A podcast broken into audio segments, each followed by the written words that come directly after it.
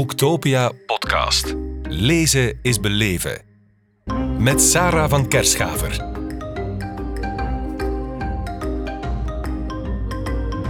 Jan Flamand, welkom in onze podcast hier op Boektopia in Kortrijk. Dag Sarah. Dag Jan. Je schreef het non-fictieboek Allemaal Ego's, het gevecht om aandacht, uitgegeven bij Pelkmans. Ja. Ja, je beschrijft het heel mooi. We zijn allemaal op zoek naar de echo van ons ego. Vertel. Wel, eh, ja, dat is een hele goede vraag. Hoe komt het dat wij zoveel aandacht nodig hebben? Ja. Hoe komt het dat dat een basisvereiste is om door het leven te kunnen stappen? We hebben voeding nodig, we hebben drank nodig, maar we hebben evenzeer aandacht nodig. Kijk, eh, onze dochter Pauline, die heeft net een eh, kindje op de wereld gezet. Morris, ja, prachtig kindje. Fantastisch, proficiat als opa. zeer. Ja, ja, ja, we zijn zeer, zeer blij. En daar zie je al meteen, dus hij is nu eh, negen weken, en daar zie je al meteen die nood voor heel veel aandacht en, eh, en heel veel liefde. En daarzonder zou die jongen het waarschijnlijk niet overleven. Ja. Dus mijn dochter is een zeer liefdevolle moeder die heel veel aandacht geeft. Dat is niet altijd gemakkelijk. Nee. Hè, want eh, er zijn nog andere dingen die, die moeten plaatsvinden. Dus ik denk ook dat dat een inzicht is dat in de pedagogie, in de psychologie, toch zeker de laatste 30, 40 jaar gekomen is. Vroeger werden kinderen op de wereld gezet om mee te helpen op de boerderij. Hè, die grote gezinnen van 10, 12, 15 kinderen. En die kregen natuurlijk veel minder aandacht. Nu zijn er minder kinderen en die krijgen meer aandacht. En dat is eigenlijk het ganse leven door. Zonder aandacht functioneren wij eigenlijk niet. En in de jaren 70 heeft een belangrijke Canadese psycholoog, Eric Byrne, in zijn boek Games People Play dat eigenlijk heel goed uitgewerkt. Hij zegt, de Engelse term is, ehm, eh, nu ontsnapt hem even, eh, het zal zelfs wel terugkomen, in elk geval in het Nederlands ehm, noemen wij dat schouderklopjes. Ja, En wij hebben een veertigtal schouderklopjes per dag nodig. per dag. Per dag. Mooi. Eh, maar krijg jij 40 schou- schouderklopjes per dag, Sarah? Goh, als we de non-verbale meetellen, kom ik misschien aan een goh, vier. Vier. Ja, dat is al... Dag. Dat is, al, eh, dat, is al, dat, is al iets, dat is al iets. En iedere keer als je dat schouderklopje krijgt, dan gebeurt er iets in jouw hersenen. Dus je, je noteert dat, je hoort dat. Dat gaat dan naar het gehoorcentrum. En door het feit dat het een positieve boodschap is, worden er dan ook een aantal eh, ja, hersenstoffen geactiveerd. Dus daar voelen, we ons, eh, daar voelen we ons eigenlijk wel goed mee. Nu, we krijgen geen 40 schouderklopjes per dag. Dus wat gaan we doen? We gaan onszelf heel veel schouderklopjes Zo toekennen. zijn we dan wel, ja. en dat is ook de betekenis van de titel Games People Play. Dus bijvoorbeeld, ehm, dat heb ik toch goed gedaan, hè? Hè? Zie je? Ja, voilà. Mooi boek, Jan. Heel mooi, echt mooi eh, boek. Echt mooi boek, dank u. Hè, dat heb ik toch goed gedaan. hè? Zeer goed gedaan. Hè, zie je hoe dat ik hier echter fishing after compliments Ja. eh, bezig ben. Dus, en iedereen heeft dat. Daarom ook dat we ons in de publieke arena gaan bevinden.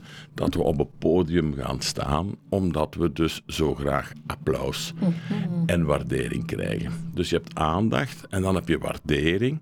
Dan heb je bewondering. En in extreme gevallen is dat verafgoding. Ja? Dan wordt dat een beetje toxisch. dan wordt dat een beetje toxisch. En daarom heb ik ook een hoofdstuk geschreven over onze vriend Donald Trump. Ja. Trump die dat toch wel in een redelijk aberrante manier eh, belichaamt. Dat narcisme, dat egoïsme.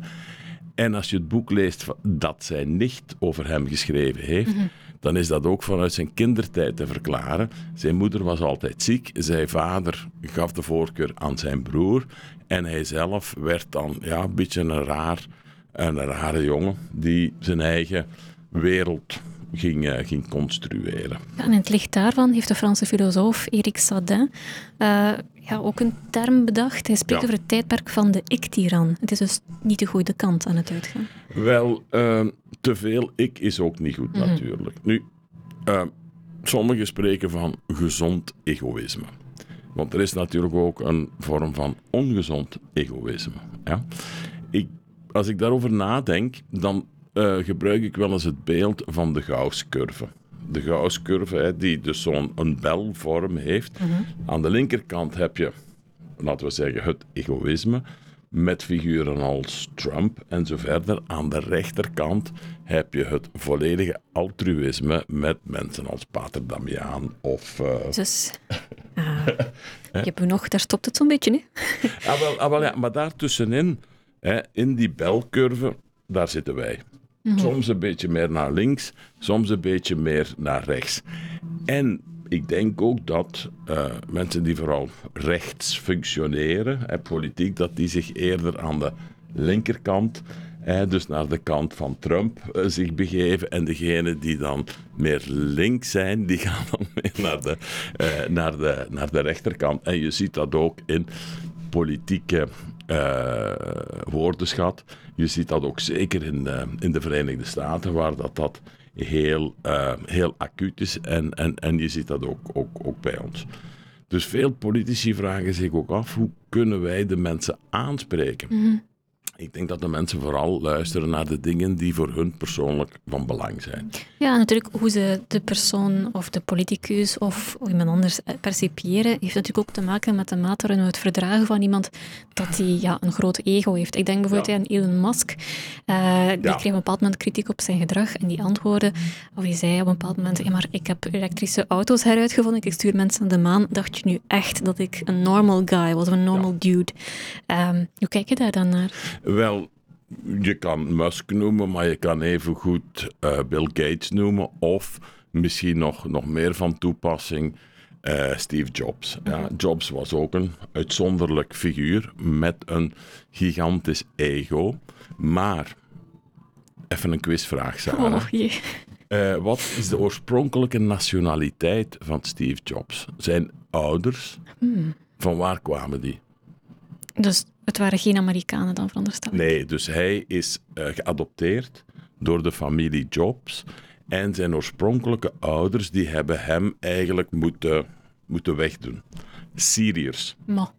Dus uh, Steve Jobs is eigenlijk een Syriër die dan door een Amerikaans gezin in, uh, in Californië geadopteerd is. Zoiets verwerken ook niet zo gemakkelijk. Mm -hmm.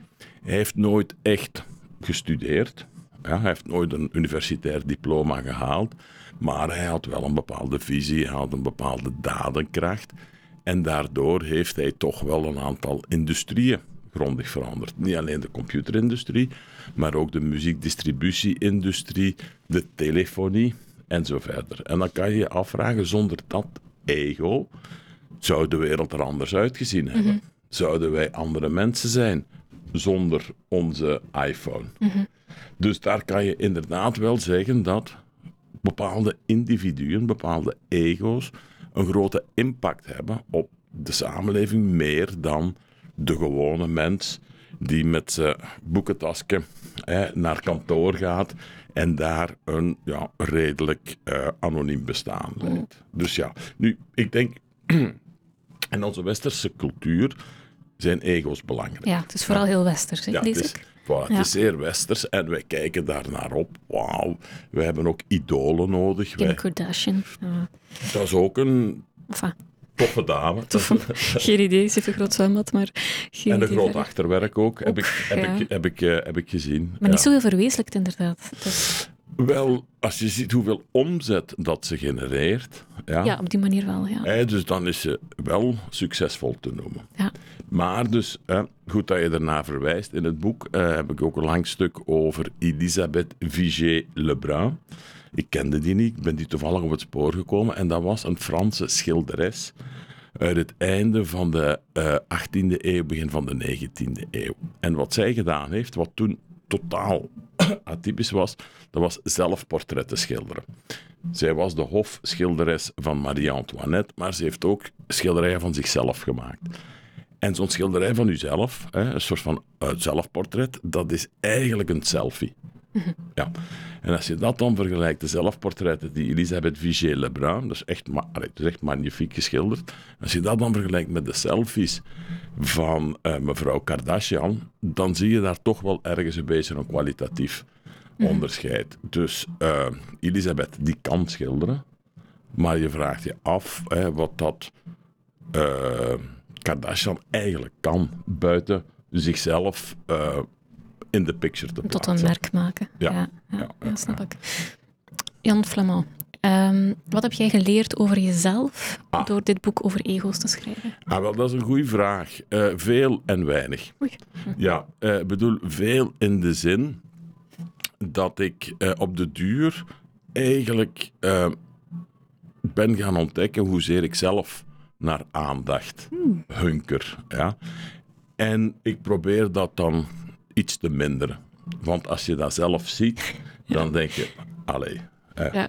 het is, eh, dus dat is, dat is iets wat ik denk probeer af te leren. Je sublimeert dat nu in het kleinkind. Zoiets. Voilà, zoiets. Ah. En ja, dat is een, dat is een, dat is een mooie be- benadering. Eh, dat is één ding. Een ander ding is, is dat je ook andere mensen op die manier gaat, gaat bekijken.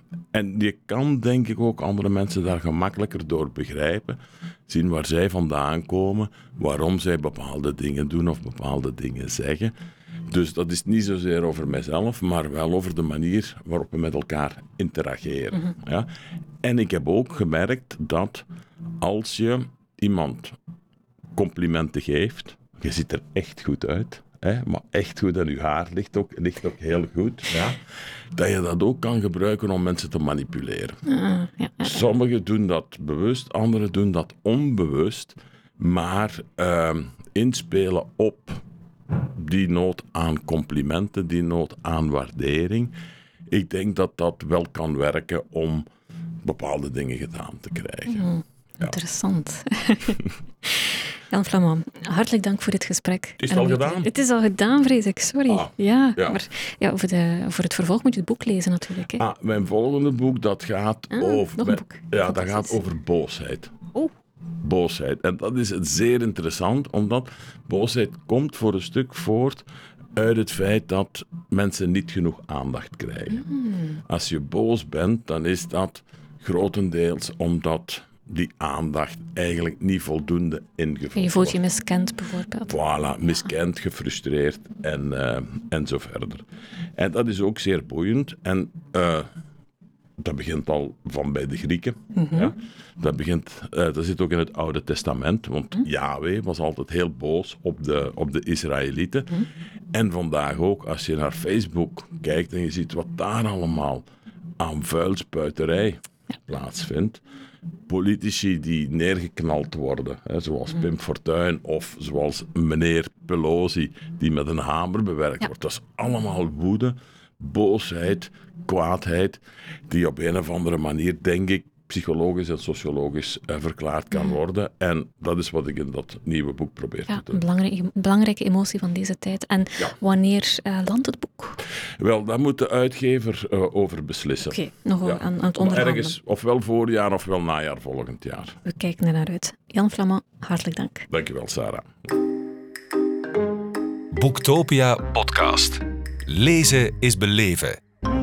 Beluister ook de andere podcasts live opgenomen op Boektopia 2022. Nu via je favoriete podcast-app.